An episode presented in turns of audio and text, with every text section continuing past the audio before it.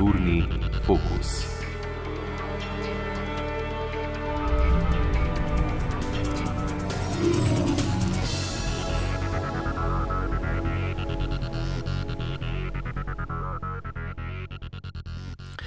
Včasih iz majhnega res raste veliko.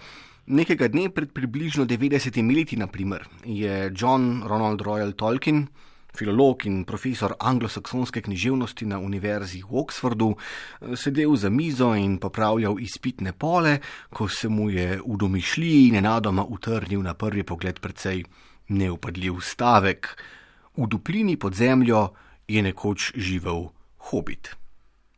Stavek, priznajmo, ne obeta prav veliko, a iz njega sta v naslednjih desetletjih zrasli knjigi Hobbit in Gospodar prstanov ter kupica drugih, večji del posthumno izdanih spisov, ki na vse zadnje, če jih vzamemo skupaj, izrišajo podobo tako imenovanega srednjega sveta. Izmišljene dežele, ki ima svojo geografijo in zgodovino, svoje mite in legende, svoje jezike in pisave. Ta podoba je tako osupljivo prepričljiva, tako doživeto in plastično ubesedena, tako ontološko polna, da v srednji svet še danes radi vstopajo milijoni tolkinovih oboževalcev, pa naj gre za bravke in bravce ali gledalke in gledalce hollywoodskih filmskih priredb.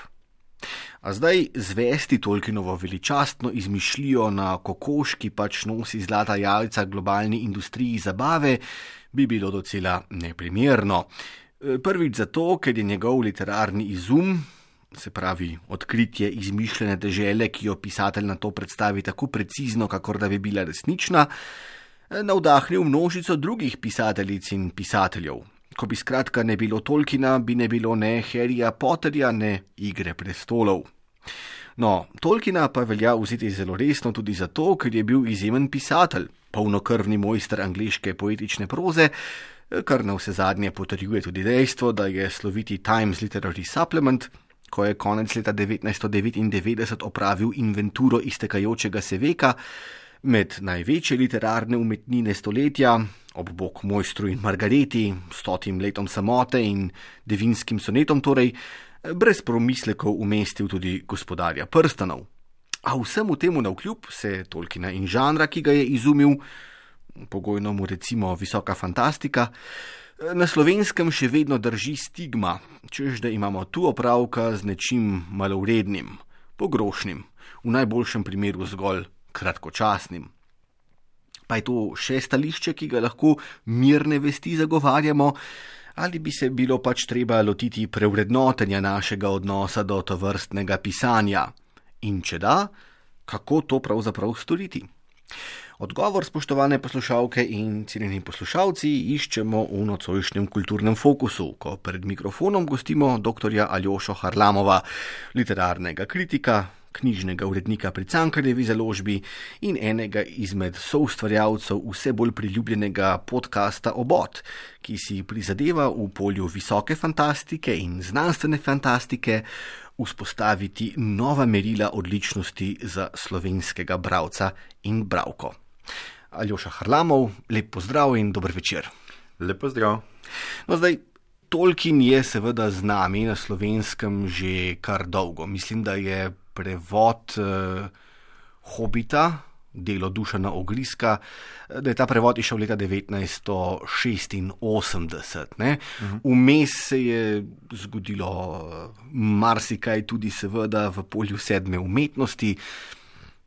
Tolkien je postal seveda globalen fenomen, ukolikor to tako ali tako ni bil že predtem, zahvaljujoč knjigam. In človek bi si mislil, da zdaj pa bo res vsem slovenkam in slovencem jasno, da imamo tukaj upraviti z neko literaturo, ki pa če ne moremo kratko malo odpisati kot nek potrošen žanr. Ampak mislim, da do tega preskoka vendarle še ni čisto prišlo. Imate tudi vi ta vtis, Aljoša Hrlamov? Tako je, ne? za Tolkiena za njegovega gospodarja prstano pravijo celo, da je to ena najbolj ponatisnjenih, tiskanih, priljubljenih knjig vseh časov. Ne, ne bi bila zelo malo, recimo za kakšno Biblijo, pa še za kakšno uh, zelo pomembno knjigo. Ne. In tudi v slovenščini na zadnje je precej priljubljen, kar dokazujejo. Če boste zdaj le šli, recimo, če ste na Facebooku, pa pogledate skupino rabljene knjige ali pa kakorkoli takega, boste ugotovili, da njegove knjige dosegajo eh, astronomske cene. Eh, trenutno, recimo, pač eh, ga ni dobiti v trdih pletnicah. In uh, na rabljenih knjigah se posamezne knjige, posebej pa prvi prevodi, ki so zdaj že en majhen zaklad za bibliofile in seveda oboževalce, prodajajo tudi po 300 evrov. Uh, se pravi, tri knjige, ne? vsaka približno 100 evrov. To vendarle govori, da ima pri nas tolk in tudi pri nas neko ime, ceno, uh, zelo dobesedno in uh, metaforično rečeno. Problem, ki ga imamo pa mi tukaj, je pa problem, ki ga imamo do celotnega žanra. Pač slovenska literatura je pač tudi v šoli se še vedno tako vzgaja, da je to pač nekaj narodotvornega, da je to nekaj narodobitnega, da skratka pripoveduje resno o resnih rečeh. In uh, slovenci še vedno malo sumničavo gledamo knjige. Ki so pač izmišljene, ki ne govorijo o nacionalni biti ali pa čemkoli takem, in kar je vse žanr. In uh, če se to mogoče zadnje leta zdaj malo spremenja pri kriminalki, se to spremenja zaradi tega, ker imamo seveda slovenske odlične pisce kriminalk. Za enkrat pa še žal nimamo odličnih piscev fantazije. Se pravi, ta domača produkcija je pravzaprav tista, ki nek literarni fenomen iz širšega belega sveta zares zasadi v domači grudi. Prevodi ne zadoščajo ali kako? Jaz mislim, da je tako. Jaz mislim, da je to zelo taka kulturno specifična situacija, v kateri, ja, super, imamo prevode, imaš oboževalce, ampak ti oboževalci nekako nimajo tega ponotranjenega, bi jaz rekel, še kot žanr ali pa ponotranjenega. Pač zelo pogosto govorimo o Tolkienu in. Um, Če boste gledali slovensko založniško, recimo pokrajino, ne, uh, jaz pač vem, ker uh, Cankar je pač spadal v skupino mladinske knjige in pač imam kolege na mladinski knjigi. V slovenščini se trenutno odlično prodaja Tolkien in George Martin. Vsa ostala fantazija nekako ne gre. Uh, njim ne dosega niti polovice tega. Ne. Tolkien je izredno priljubljen, razprodan, ponatisnjen, ne vem koliko krat, enako je z Georgeom Martinom, ampak vse ostalo pa nekako precej capla za tem. Vsi pač poznajo ta dva izdelka kot neki posamezni deli, nimajo pa še to, ki bi jaz rekel, razvito idejo, da je to nek poseben žanr in da to seveda prinaša sabo, da ti lahko najdeš tudi druge zelo primerljive, zelo podobne, pa tudi zelo različne knjige znotraj posameznega žanra. Vedno je pa to pomembno, kako mi na žanr gledamo. Ne? In jaz mislim, da se recimo kriminalka, tako kot sem rekel, zdaj le spreminja. Uh, to pojmovanje, da je to pač nekaj, kar prebereš na plaži, pa vržeš, včasih dobesedno vržeš stran, uh, lahko knjigo, ne žepko, recimo uh, ljudje kupujejo večinoma to v žepnicah, ampak da je to vendarle nekaj tudi, kar ti govori o družbeni situaciji, o so sodobnosti, o slovenski sodobnosti. In jaz mislim, da to mi potrebujemo neko zavedanje. Vedno je pa tako, sistem nek književni bo deloval samo kot celota, nikoli kot neka posamezne ideje. Tudi prešeren ni ko je začel pisati poezijo v slovenščini, umetniško poezijo, ni um, imel samo enega žanra, samo ene oblike, ampak je poskušal vse naenkrat iz preprostega razloga, ker ti rabiš za nek razvit sistem, rabiš ti vse oblike, vse žanre. In v slovenščini jaz mislim, da je to velik problem. Slovenska fantazijski žanr, jaz vem, ker sem ga veliko bral in preučeval, je na zelo, zelo amaterski stopni.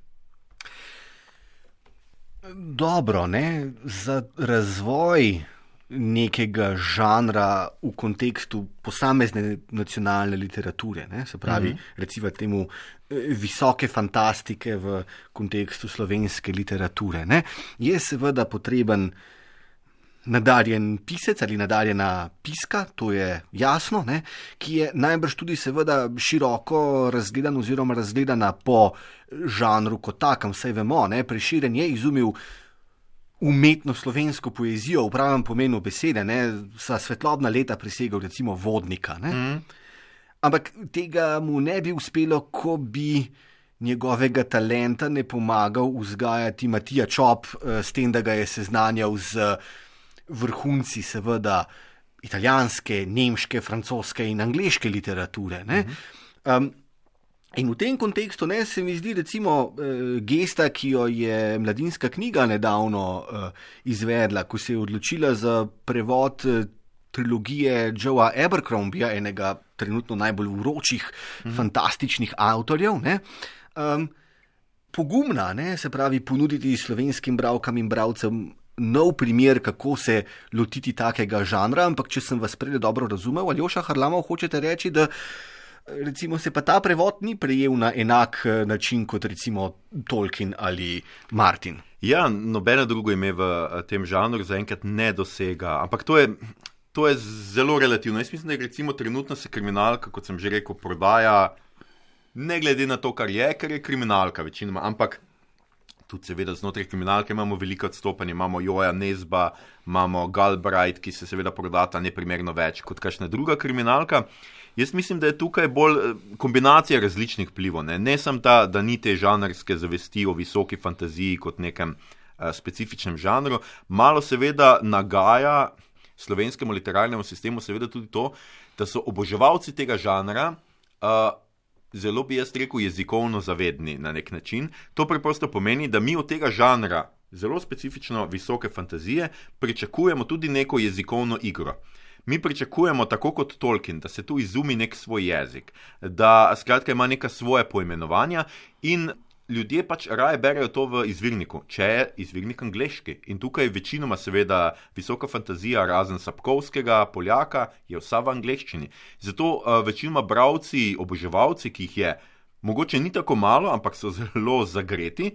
Uh, preberejo že vse v angleščini in jih potem prevod niti toliko, recimo, ne zanima. Jaz bi rekel, da točno zaradi tega, tudi zaradi te specifike, da je pač to zelo uh, da so to besedila, ki zelo veliko dajo na, na jezik in tudi izumljanje nekih jezikov, pa na terminologijo in to. In pač to si želijo um, bravci nekako, seveda. Uh, Počrpati v izvirniku. Tudi jaz se ne na zadnje spomnim, ker sem bral še prvega Harryja Potterja v slovenščini, da potem, ker sem šel na angliškega, recimo nekaj časa nisem nič razumel, ker se, se seveda je Jakob Kenda odličen prevajalec, prevedel seveda tudi vsa imena, vso pojmovanje in sem si moral jaz nazaj obraten proces narediti, pač njegovo logiko prevajanja. Prevesti nazaj v angleščino, da sem lahko potem v izvirniku bral, pozneje pa spet, ker sem šel v kino in gledal te filme, recimo v kinu, pa pod napisom sploh nisem bral, ker nisem razumel, kaj se pač pri stvari dogaja. Skratka, tu jaz mislim, da je več eh, nekih, več nekih vplivov. No. Zanimivo je ta čisto jezikovna razsežnost, ki najbrž pri kriminalki eh, ne igra enake vloge, kaj ne? Umor je umor, pa če se zgodi v švedskem ali v uh, francoskem okolju. Tako ne? je, ja, pač pri žanru imamo vedno večji ta problem slovenski založniki, da seveda. Stvar, ki je globalna uspešnica, je globalna uspešnica zdaj seveda tudi pri nas že in seveda tudi vedno mlajše občinstvo bere to že v angleščini. Zato tukaj zelo pogosto, recimo skandinavske kriminalke so tukaj bo jaz rekel, vse neangliške sisteme malo rešile. Ker so njihova popularnost je preprosto pomenila, da če neka slovenska založba, recimo, pravočasno odkrije skandinavskega avtorja, ga lahko prevede celo pred angliščino. Ne? In takrat pač mi dobimo. Seveda je pa drugo, drugi problem, seveda, da dokler ni avtor preveden v angliščino in uspešen v angliščini, seveda ni uspešen v nekem globalnem merilu sploh in ga mogoče bralci potem eh, niti ne opazijo. In pri eh, fantastiki imamo. Jaz mislim, da zelo, zelo podoben problem. Uh, ti bravci so uh, zelo, zelo načitani, zelo, tudi zelo specifični. Uh, mislim, da smo že omenili, tudi znotraj fantazije, visoke fantazije, obstaja veliko podžanrov in niso vsi vsem všeč. Ne? Recimo, tako zelo stereotipno, uh, žensko občinstvo, ženske bralke, skratka. Uh, Veliko raje, recimo, posegajo tudi po uh, fantastiki, ki ima neke romantične prvine, skratka, neke na pol romance, fantastične romance. Uh, recimo, kakšni bralci imajo radi uh, raje podžanr, ki se imenuje uh, Sword and Sorcery, skratka, meč in uh, magija, bi to bilo recimo po slovensko. Kjer ni te bitke med dobrim in zlim, ampak so same neke poslovščine enega mečevalca uh, in pač na nos sredotočene. Skratka, tudi tukaj imam podžanr in to, seveda slovensko založništvo zelo težko sledi in pa v zamudi smo. To je zdaj seveda velik problem, da smo veliki zamudi. Če se vi ozrete malo na jug, na Hrvaško, v Srbijo, boste videli, da tam uh, imajo prevedeno že večino tega, kar mi šele zdaj prevajamo. Da niti ne omenjam, seveda, letošnje novice, ki je marsikaterega oboževalca razveselila, da bomo uh, čez dve, mislim, da je bilo rečeno leta 23, no skratka, da bomo čez dve leti šele dobili prvič Tolkiena prevedenega enotno. Skratka, da ga bo en prevajalec bo zdaj poenotil hobita oziroma sebi prilagodil nekako hobita, potem pa iz njega izviral in prevedel še gospodarja prstanov na isti način. Ker zdaj le trenutno imamo mi, mislim, da tri ali štiri verzije, dve verziji sta nekako hobita, oziroma uh, hobit je zvirnik, ampak potem je že predelan, uh, novejša izdaja, potem imamo pa Tolkiena staro izdajo, ki jo je prevajal, mislim, da so trije prevajalci, potem imamo Gradišnikovega Tolkiena in zdaj bomo končno ne bi dobili Hobita in Tolkiena v uh, prevodu Sergeja Hvale, Snetija, ki je med drugim prevedel tudi Abercrombie. Ja, no, seveda, ne, sej, sem si mislil, ko sem bral uh, trilogijo Joea Abercrombija, ne, prvi zakon se imenuje ta trilogija v slovenskem prevodu, imeniten prevod, prav uh, gledko, tekoče, užitka polno se bere. Ne, ampak sem pomislil, seveda, ne, ko bi bil Hollywood najbrž uh, odkupil pravice in snemal nadaljevanko ali. Film, ne, bi zdaj, seveda, tudi med slovenskim občinstvom obstajalo precej več interesa za njim. Ja, seveda, tudi je treba vedeti, da recimo. Televizijske serije in pa filmi mogoče zajamejo tudi večje, širše plasti, bom jaz rekel, ljudi.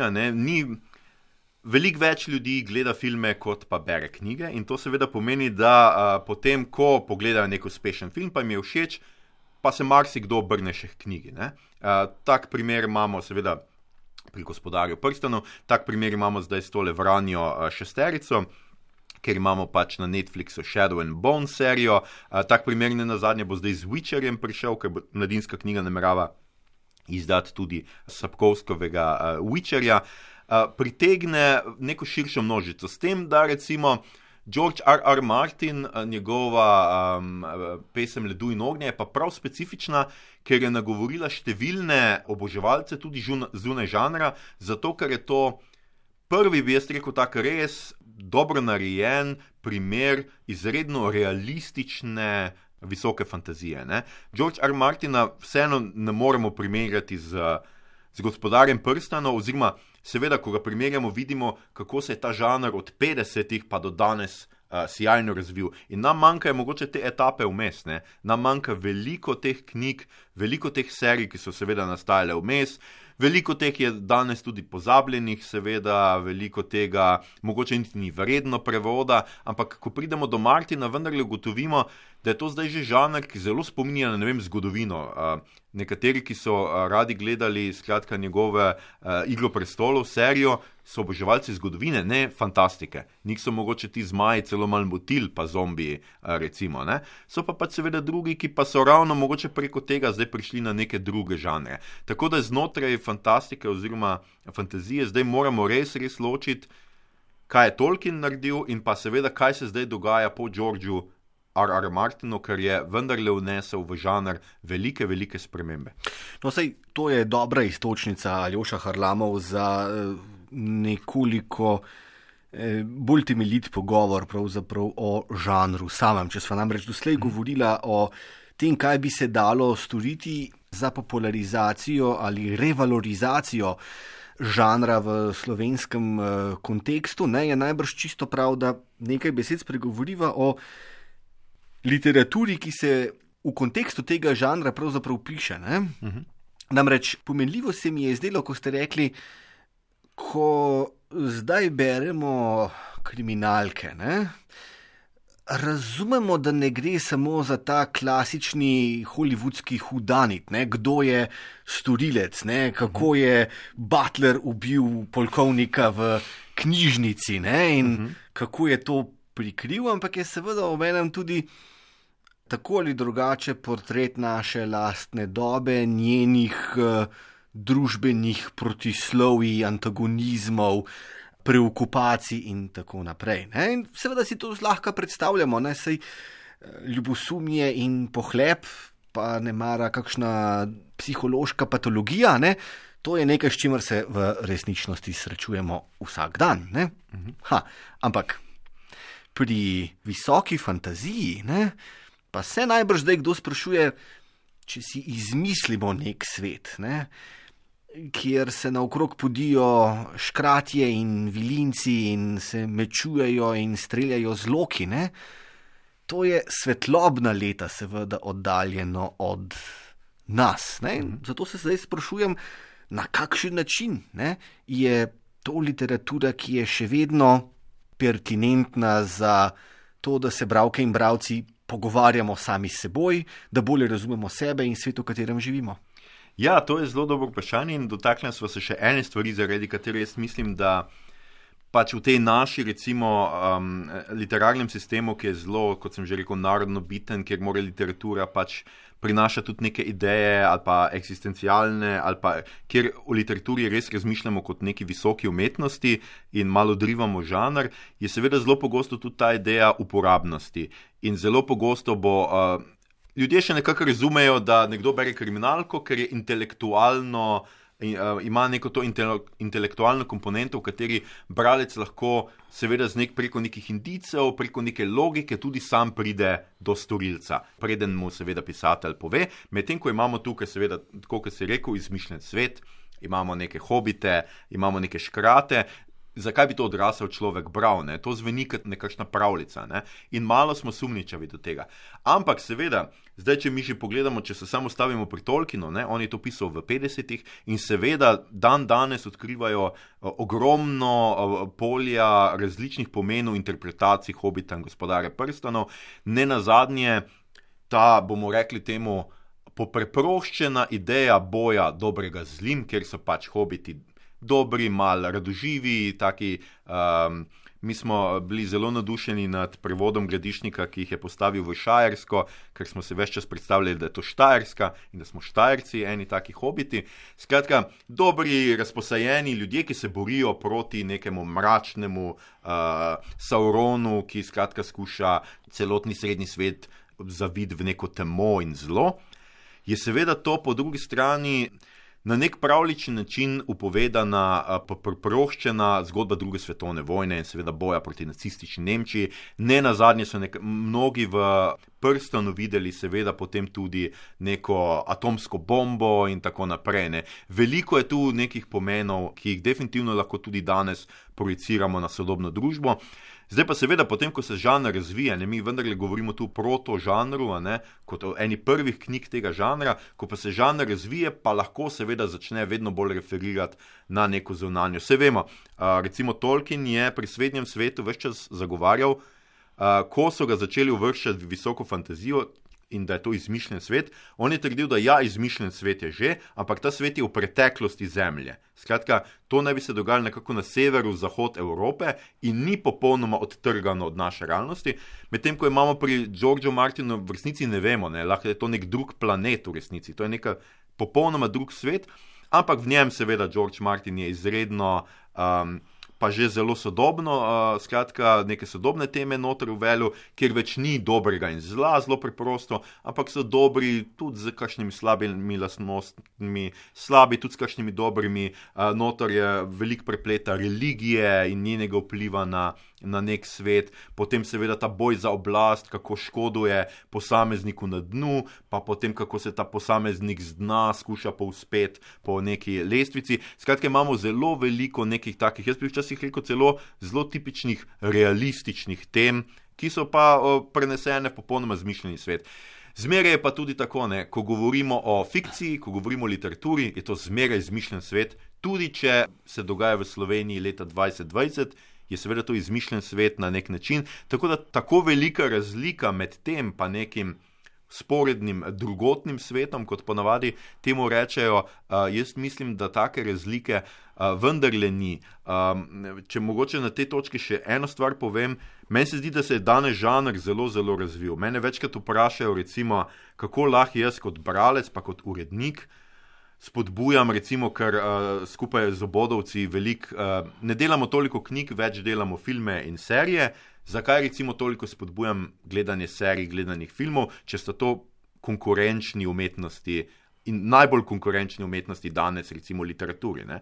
Ampak jaz na to zmeraj odgovorim, da recimo to, kako se je recimo razvil nek žanr, od tega, da sem jaz, ne vem, ko sem bil mulj zgledal Megajvera, ki je lahko iz treh nekih predmetov naredil najmanj bombo, recimo, ne, pa do danes, kjer imamo mi igro prestolov, ki bolj ali manj se zdi, da ponavlja eh, zgodbo vojne rož, pa uh, prinaša neke zelo filozofske koncepte v, v, v samo idejo tega fantazijskega sveta, vidimo, da je današnja občinstvo, ki spremlja serije in filme, postalo zelo zahtevno. Zato je recimo osma zadnja sezona Igre prestolov ena najbolj osovraženih sezon.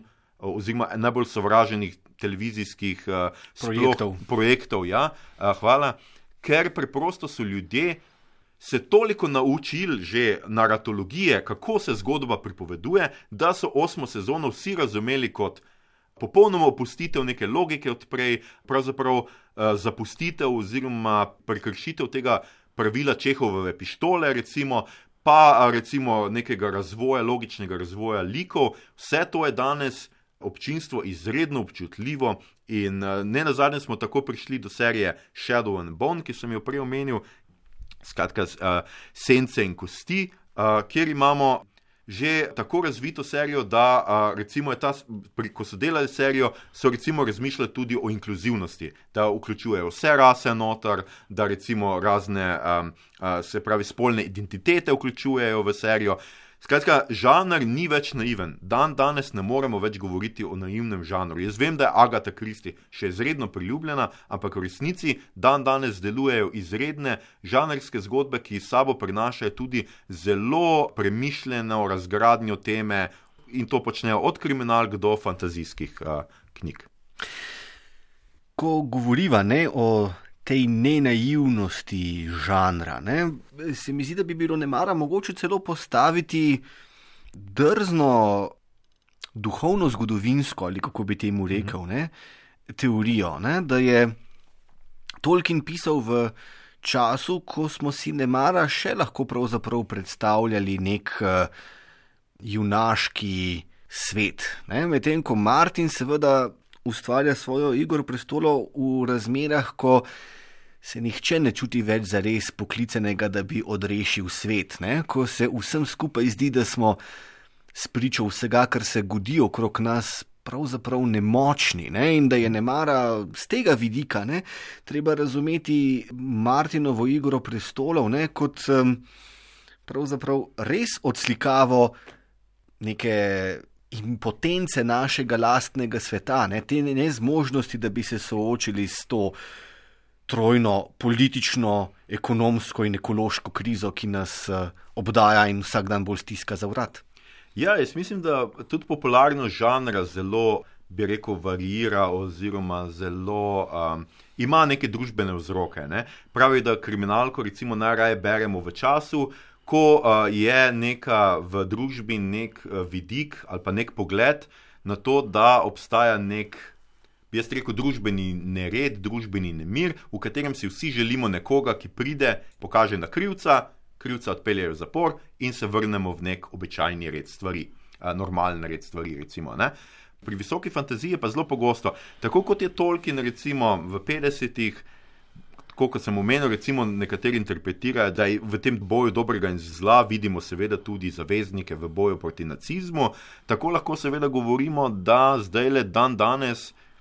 Da je seveda uh, nova popularnost uh, žanra visoke fantazije nekako sopadala z časom boja proti terorizmu in nekega boja proti zlobnim teroristom z Bližnjega vzhoda, in je z tega vidika, seveda, posebej zanimivo to, kar si seveda ti povedal, da dan danes, seveda, ta konflikt ni več tako preprost. In da dan danes marsikdo v Tolkienovem gospodarju prstanu in v tem, da so vsi orki slabi, seveda odkriva rasizem. Ne? Uh, vendarle, celotna rasa orkov je obsojena na negativno zlo, medtem ko so vilinci vsi kot da dobri. Ne? In tukaj danes, seveda, ne moremo več tako gledati na to, zato se stvari precej spreminjajo. Ne? Jaz sicer bi pripomnil, da seveda orki, ki so bili vzgojeni v zlo, se, seveda zlobni, medtem ko jaz tudi ne percipiram vseh vilincev kot dobrih, ampak pustimo zdaj te odtenke. Hočem pa povedati, da točno to. Jaz mislim, da družba, stvari, ki se dogajajo v družbi, tudi seveda vplivajo na proces pisanja. Uh, žanra in potem ta žanr odslikava vse te ideje, in zato ja, danes te naivnosti pravzaprav ni več. In tako kot sem rekel, današnja občinstvo je tako vajeno že zgodb, tako je vajeno, uh, niti sami ne vejo, zakaj. Ne. Marsikdo, tako kot sem rekel, ni znal niti pojasniti, zakaj mu osma sezona ni bila tako všeč. Sem mu rekel, ni mi bila všeč, ni bila v redu, ni bila dobra. Ampak zakaj? Ne, ker se preprosto dan danes občinstvo zelo že dobro zaveda teh nekih naratoloških prijemov, zato ker so posod okrog nas. Ne.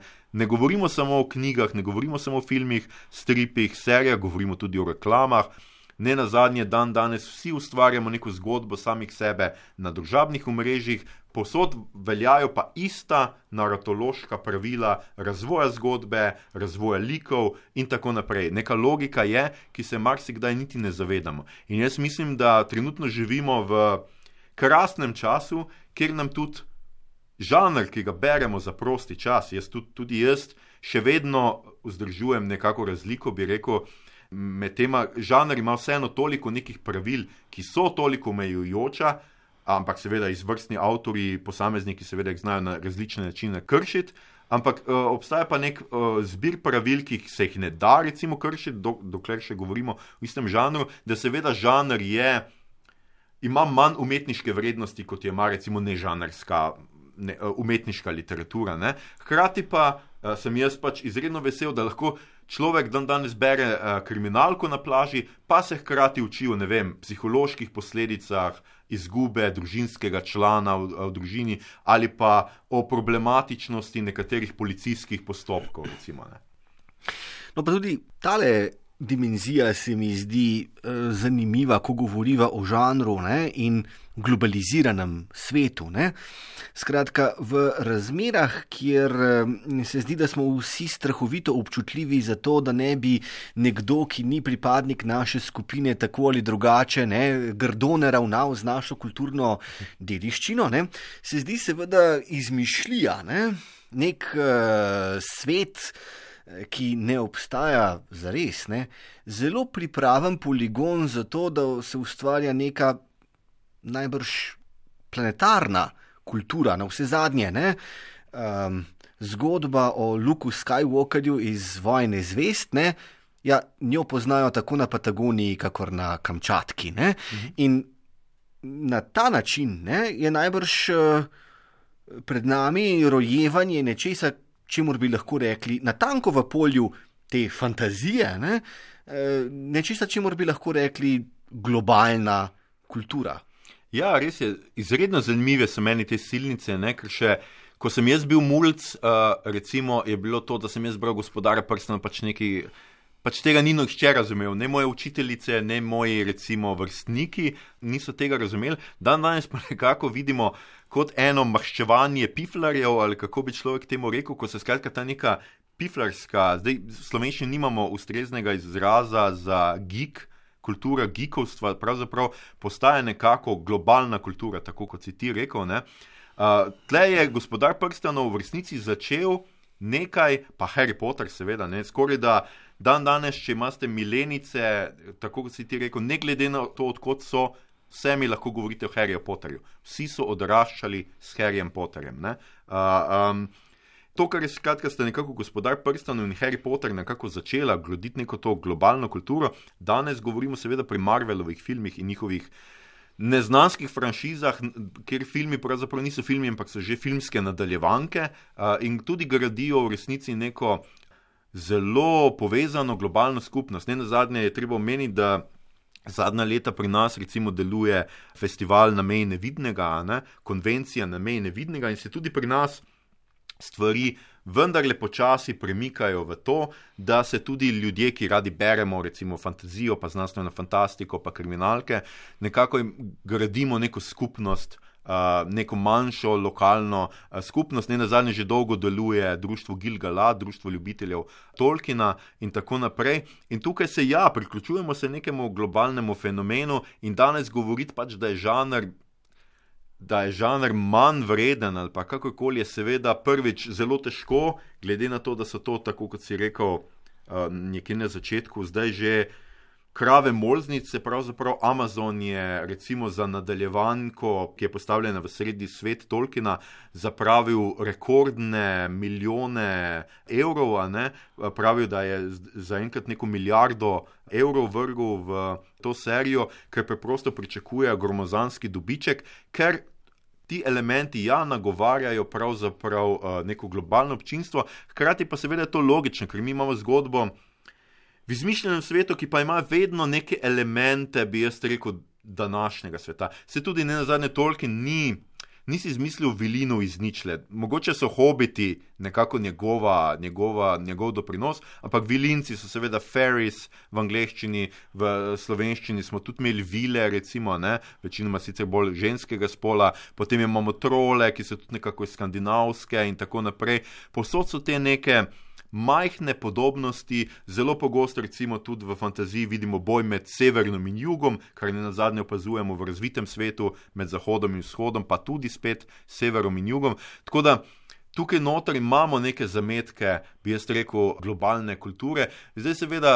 Vseeno, ja, je pa obstaja pa seveda totalna nevarnost neke komercializacije te kulture, uh, nečesa tega, uh, da skratka ljudje zdaj seveda kupujejo svojo pot v to kulturo, zelo dobesedno.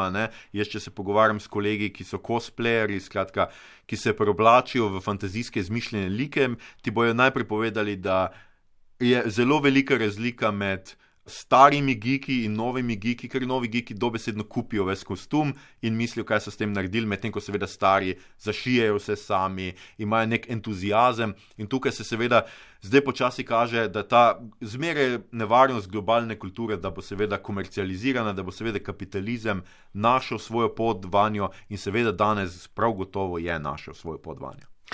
No, sej tu sva uh, Aljoša Harlamov se mi zdi trčila ob uh, enega izmed um, ugovorov zoper visoko fantazijo, visoko fantastiko, eh, ki se mi, kot sicer dovolj unetemu bralcu tega žanra, vendarle zdi ureden tehtnega razmisleka. Ne? Namreč, da je bralec, kadar se znajde ob, recimo, temu, ne, običajnem leposlovnem romanu. Ne? Nekako bolj nagovorjen k temu, da svojo imaginacijo in svojim čustvenim odzivom dopolni ali dogradi literarni svet, ki je razgrnjen pred mm -hmm. njim. Medtem ko pri fantastiki, pa tako gre ta kritika, ne, si želimo od pisatelja tako natančen, tako precizen, tako domišljen opis te izmišljene pokrajine, tega izmišljenega sveta, da se hočemo prepustiti zgolj njegovi ali njeni naraciji.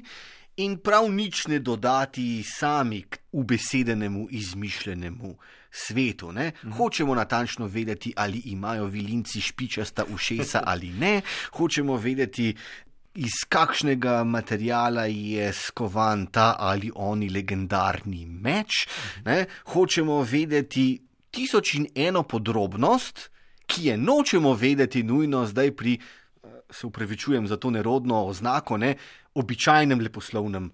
Romanu, in da je z drugimi besedami branje eh, običajnega leposlovnega romana v tem smislu za nas, bralke in bralce, hm, bolj koristno, ker nas intelektualno in emocionalno bolj razburka, bolj vadi pravzaprav v tem, da iz sebe samih iztisnemo več. Vaš odgovor. Ja, zdaj, absolutno delam se strinjam. Je pa seveda tu vprašanje, oziroma problem, seveda, eh, žanra kot takega, ker seveda. Uh, žanr izmišljenega sveta seveda absolutno zahteva, da mi ta izmišljen svet zgradimo, medtem ko seveda nek običajen roman ali pa nek leposlovni roman tega ne rabi, zato ker je njegova stava pač, da bo bralec prepoznal, da je to svet, realnost, ki je ista ali pa podobna ali pa seveda taka realnost, v kateri sam živi in načeloma mu je ni treba razlagati. Ne. Zdaj, Tukaj je seveda že drugo vprašanje, ne? Eh, ko ti svetovi prečkajo kulturne meje, ali je to še res? Ne? Ali mi danes, recimo, nek kitajski roman ki je lahko tudi zelo sodoben, ali ga lahko mi enako razumemo, kot razumemo, seveda, slovenski ali pa mogoče francoski, ki nam je recimo precej bliže. Jaz mislim, da ne. In tukaj seveda pa imamo prav to stavo. Da pa pri visoki fantaziji ali pa fantazijskem romanu, pa seveda mi želimo si izdelanega sveta, ker ga moramo razumeti, oziroma bolje je, da nam ga prikaže in da mi iz tega sami ven potegnemo neko logiko. Je pa znotraj tega žanra, seveda, so za velike razlike. Recimo George Martin, jaz mislim, da je spet tudi glede tega, seveda, zelo dober pisec, ker nam seveda ta svet vendarle dopušča tudi dovolj naše domišljije, da ga tudi nam ne da vse takoj v roke, medtem ko seveda nekje druge pa seveda dobimo vse v roke. In tukaj znotraj bi jaz rekel, da pregovorimo o dobrih piscih in slabih piscih znotraj žanra. Jaz recimo imam najraje eh, visoko fantazijo, ker točno to, ker si svet jaz zelo počasi gradim, ker mi lahko omenijo nekaj imena, ker mi ničesar ne pojasnjujejo, ampak mi samo počasi gradijo in jaz počasi gradim neko vednost. Je pa druga stvar, ki je pa zanimiva, povezana s tem problemom in pa seveda zakaj so recimo razni Netflixi, Amazoni pograbili ravno fantazijsko literaturo za svoje filme in serije ali pa stripe, recimo. Je ravno zaradi tega, ker današnji film, ko ga vi greste gledati v kino ali pa serijo, zahteva ogromno nekega znanja, Uh, ve, kot vemo, že Tolkien je seveda napisal je Hobita in gospodar prstov, ampak napisal je tudi Silmarillion, ki je zgodovina tega sveta. Skratka, vi morate vedeti, vseeno malo poznati neke zgodovine, da lahko razumete, kaj se tukaj noter dogaja. Hkrati imamo zemljevid, Martin ima tudi neke cele te rodovna, rodovna debla teh družin, ki jih moramo razumeti, in tudi on ima seveda svojo zgodovino tega sveta. In ravno te stvari so zato najbolj primerne za franšizacijo vsebin, česar si danes vsi ti pretočniki, študiji, um, te kapitalistične pošasti, ki nam delajo naše filme in serije, najbolj želijo. Skratka, oni si želijo gledalca, ki bo šel gledati film. Potem ga bo ta film tako zanimal, da si bo kupil neko igračo z tega filma, majico z tega filma, da si bo kupil še štiri knjige, ki mu pojasnijo, kdo so ti liki, ki se za tri sekunde pojavijo v tem filmu. Ne? In to so, mislim, da tudi spet fantazijski, uh, visoka fantazija to nekako uvedla v ta sodobni svet. In zaradi tega jaz danes govorim, da je to gikovska kultura in da je to kultura, neka globalna kultura, ker dejansko prisili človeka, da se pozanima tudi zunaj enega posameznega dela. Pravzaprav moraš ti danes res. Obiskati, nekateri pišejo cele bloge, delajo videe, skratka, ti hkrati z eno vsebino generiraš 500 tisoč drugih vsebin, tudi recimo kakšnih ljubiteljskih vsebin, ki ti razlagajo, kaj se je zgodilo v tistem notri. In na to vse oni danes zelo prefrigano, zelo zvito stavijo, da nas privabijo k tem zadevam, da to gledamo in dajemo denar za te zadeve. Kar se pa tiče tega, pa kot sem že rekel, jaz imam rato. Jaz, jaz neskončno obožujem super izdelane svetove, ker se mi zdi, da je tok ene ljubezni, dela, domišljije.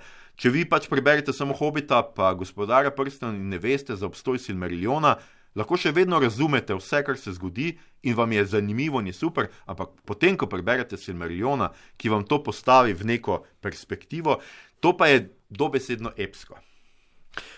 Podpišem uh, tudi sam, seveda. In uh, to me zdaj seveda usmerja Aljoša Karlamov k naslednjemu vprašanju, toliko bolj seveda zato, ker se čas najnega nocojšnjega pogovora z lagoma izteka. Ne? Namreč eh, tam zunaj je zelo veliko produktov, ne? med katerimi so številni, kakor so ugotovila, tu samo zato, da pač bodo izpraznili naš mušniček. Ne? Spet drugi pa so taki, ne? da uspejo resnično razgibati našo domišljijo, da so nas eh, sposobni nagovoriti kot eh, čuteča in razmišljujoča bitja, ki živijo v zelo konkretnem, realnem svetu in nas po uvinku pravzaprav ne, usmerjajo k eh, aktivnejšemu življenju, ne, če smem tako reči. Um, po čem poseči, ne? kateri so naslovi, avtori dela? Brez uh, katerih uh, bi bila naša življenja ubožnejša, siromašnejša.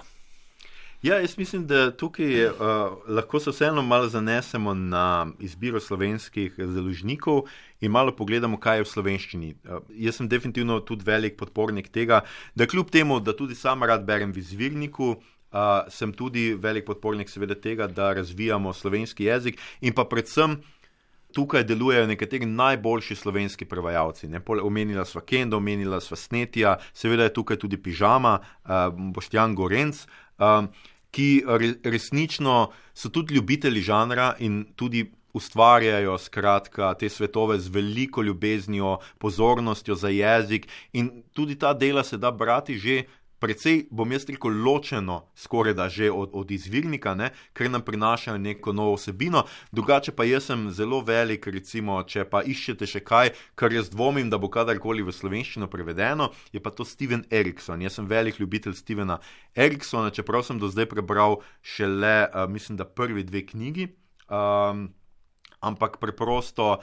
To je spet eden od teh avtorjev, ki te vrže v svet, ničesar ti ne pojasni in ti ga gradi tako zelo počasi, hkrati pa tako bogato, da skoraj ne moreš verjeti. Sicer pa eh, priporočam tudi Leguinovo, mi jo eh, v slovenščini že imamo, uh, že imamo prevode temeljnih, njenega temeljnega dela, tudi recimo, da ne bo izgledalo, kako da je to. Samo moška pisateljska dejavnost, kar v preteklosti nekako je bila, um, tega niso toliko omenili, ampak recimo uh, epska fantazija je zelo pogosto uh, ena od kritik epske fantazije, seveda je to povezano tudi z moško fantazijo, kjer je moški glavni junak, ki osvoji princeso in reši svet in tako naprej. Ampak to. Uh, pisateljice zdaj zelo, zelo razbijajo. Uh, jaz sem um, zdaj le, imam že dolgo na policiji Libar Dugo in njeno varanje šesterico, skratka, ki drugo leto dobi uh, pri mladinski, mislim, da tudi nadaljevanje, naslednji dve knjigi. Uh, in pa nisem pa še sam bral tole, pa čakam tudi jaz v slovenščini Witcherja. Jaz vem še vedno, da me bo mladinska knjiga Darja in uh, prevajalka Lara, da me bojo poslušale in prevedle kot veščeca, ampak. Nekako zaenkrat urednici ni všeč ta moj prevod. Kakorkoli že, uh, navdušen sem nad serijo, Henry Cavill ga odlično odigra, to je moj tip junaka, redko beseden, tečen, silno godrnjav človek, ki pa hkrati ima uh, mehke točke v svojem srcu. In to čakam, tega pa nisem nikoli prej bral in bom počakal na slovenski prevod. No. Kot sem že rekel, jaz zelo, zelo spodbujam slovensko, pa ne samo zato, ker večino teh knjig pač izdaja družba, ki ima v lasti Cankarjevo založbo, ampak preprosto zaradi tega, ker uh, veliko krat. Se moramo mi zavedati, seveda, da to berejo, da je to mlada publika. In zelo pogosto, vsi tisti, ki so odraščali danes z Harryjem Potterjem, so zelo, zelo navdušeni nad prevodom in zelo, zelo uh, so si gradili besedni zaklad preko tega, so ne na zadnje spoznavali pač marsikšne tančine slovenskega jezika ravno preko prevoda in za me je to. Izredno pomembno. Ne? Najbolj se bojim tega, da bomo mi nekoč izgubili to mlado publiko, ki ne bo več znala uživati v slovenskem prevodu nekih, eh, recimo, teh fantazij, fantazijskih postolovščin, ki pa jaz vseeno mislim, da, da je to pač izredno pomembno tako za razvoj posameznika, kot za razvoj, seveda, naše jezikovne spretnosti. Hkrati pa ne na zadnje si jaz zelo želim. To, kar so se pogovarjali, recimo, da bi v slovenščini v prihodnosti hitreje imeli neke te, recimo, tuje uspešnice, ali pa da ne bo govorili ravno uspešnice, temeljne in zelo pomembne knjige iz tega žanra, ampak to bo seveda se zgodilo samo, če bomo več brali v slovenščini in bolj podpirali ta žanr tudi v slovenščini. Takrat se bodo cene knjig znižale, več jih bo in jaz bi si predvsem tega si vsi želimo. Vsi si želimo še nekih teh. Uh, bi jaz rekel, podžanru. No? Obstaja še urbana, recimo, fantazija, tega skoraj da nimamo prevedenega nič. Recimo, Obstaja še kup nekih teh majhnih stvari, ki bi jih jaz zelo rad videl v slovenščini, in tudi ne na zadnje, sam več ne morem, niti jaz bom sam priznal, da ne spremljam več toliko tuje, recimo, sodobne ponudbe, ker je preprosto to po gospodarju prstanov, po uspehu filma, ki bo letos decembra praznoval 20-letnico, je to eksplodiralo in zunaj je toliko neke ponudbe da ji, če nisi še vedno zagret oboževalec, ne moreš slediti. In jaz bi zelo rad, da bi mi počasi uvedli to, da seveda slovenske založbe to pridno prevajamo, predvsem pa seveda tudi iz tujih jezikov. Nismo omenili recimo zrcalke, ki jo izdajajo sanje, recimo tudi Dune, peščeni planet, je nekje na meji med znanstveno fantastiko in visoko uh, fantazijo. Ne? Veliko je tega in jaz mislim, da si zaslužimo v slovenščini še marsikaj.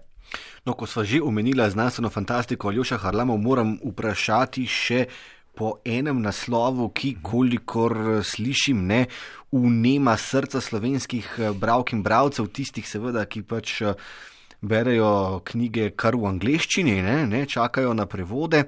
Namreč zdi se, da je to urbano bravsko občinstvo v zadnjih dveh letih povsem očaral kitajski eh, znanstveno-fantastični mojster eh, Ljev Cešin s svojim three body problemom, se pravi uh, problemom treh teles ali nekaj takega. Ne. Um, to je očitno trenutno najbolj uroča knjiga v Ljubljani, imam vtis. Ne? Tako se zdi. Ja. Je to nekaj, o čemer recimo propulziven. Založnik pri prav takšni založbi razmišlja? Ja, že, že zelo dolgo, že takrat, ko je šla, smo nekako tudi ne. Problem je seveda spet ta, da znotraj, ko govorim fantazijskega, uh, visoka fantazija se še v resnici prodaja še bolje znanstvene fantastike, smo mi pravzaprav nehali prevajati.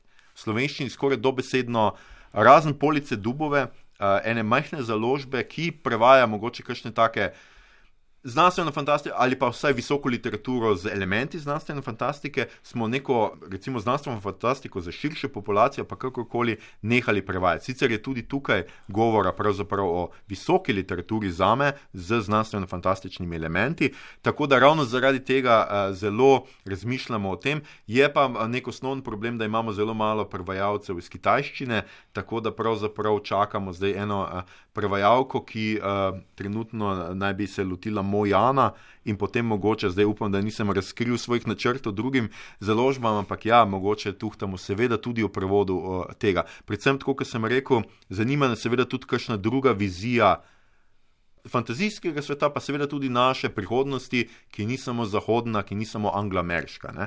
Zelo si jaz želim kitajskih, japonskih pripovedi, kajti tukaj pravzaprav o tem vemo pa pravzaprav zelo, zelo, uh, zelo malo. Ne?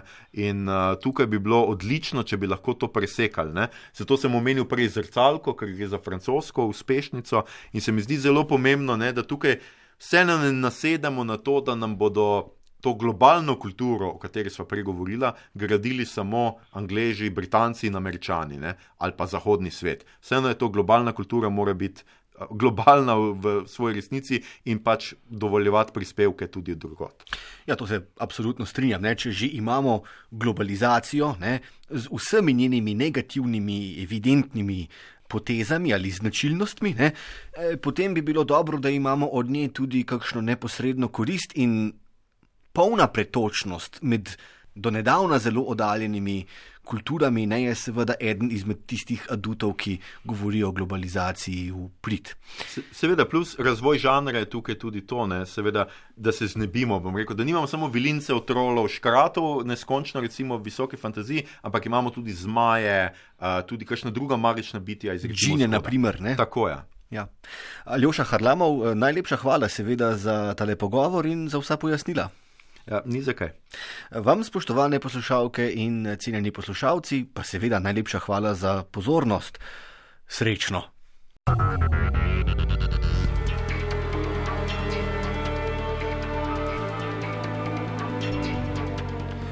tem smo prišli do konca tokratnega kulturnega fokusa. Odajo, ki lahko prisluhnete tudi v obliki podcasta ali jo poiščete na spletni strani prvega programa, sem pripravil in vodil Goran Dekliva, zvočno pa jo je oblikoval Franci Modr. Kulturni fokus.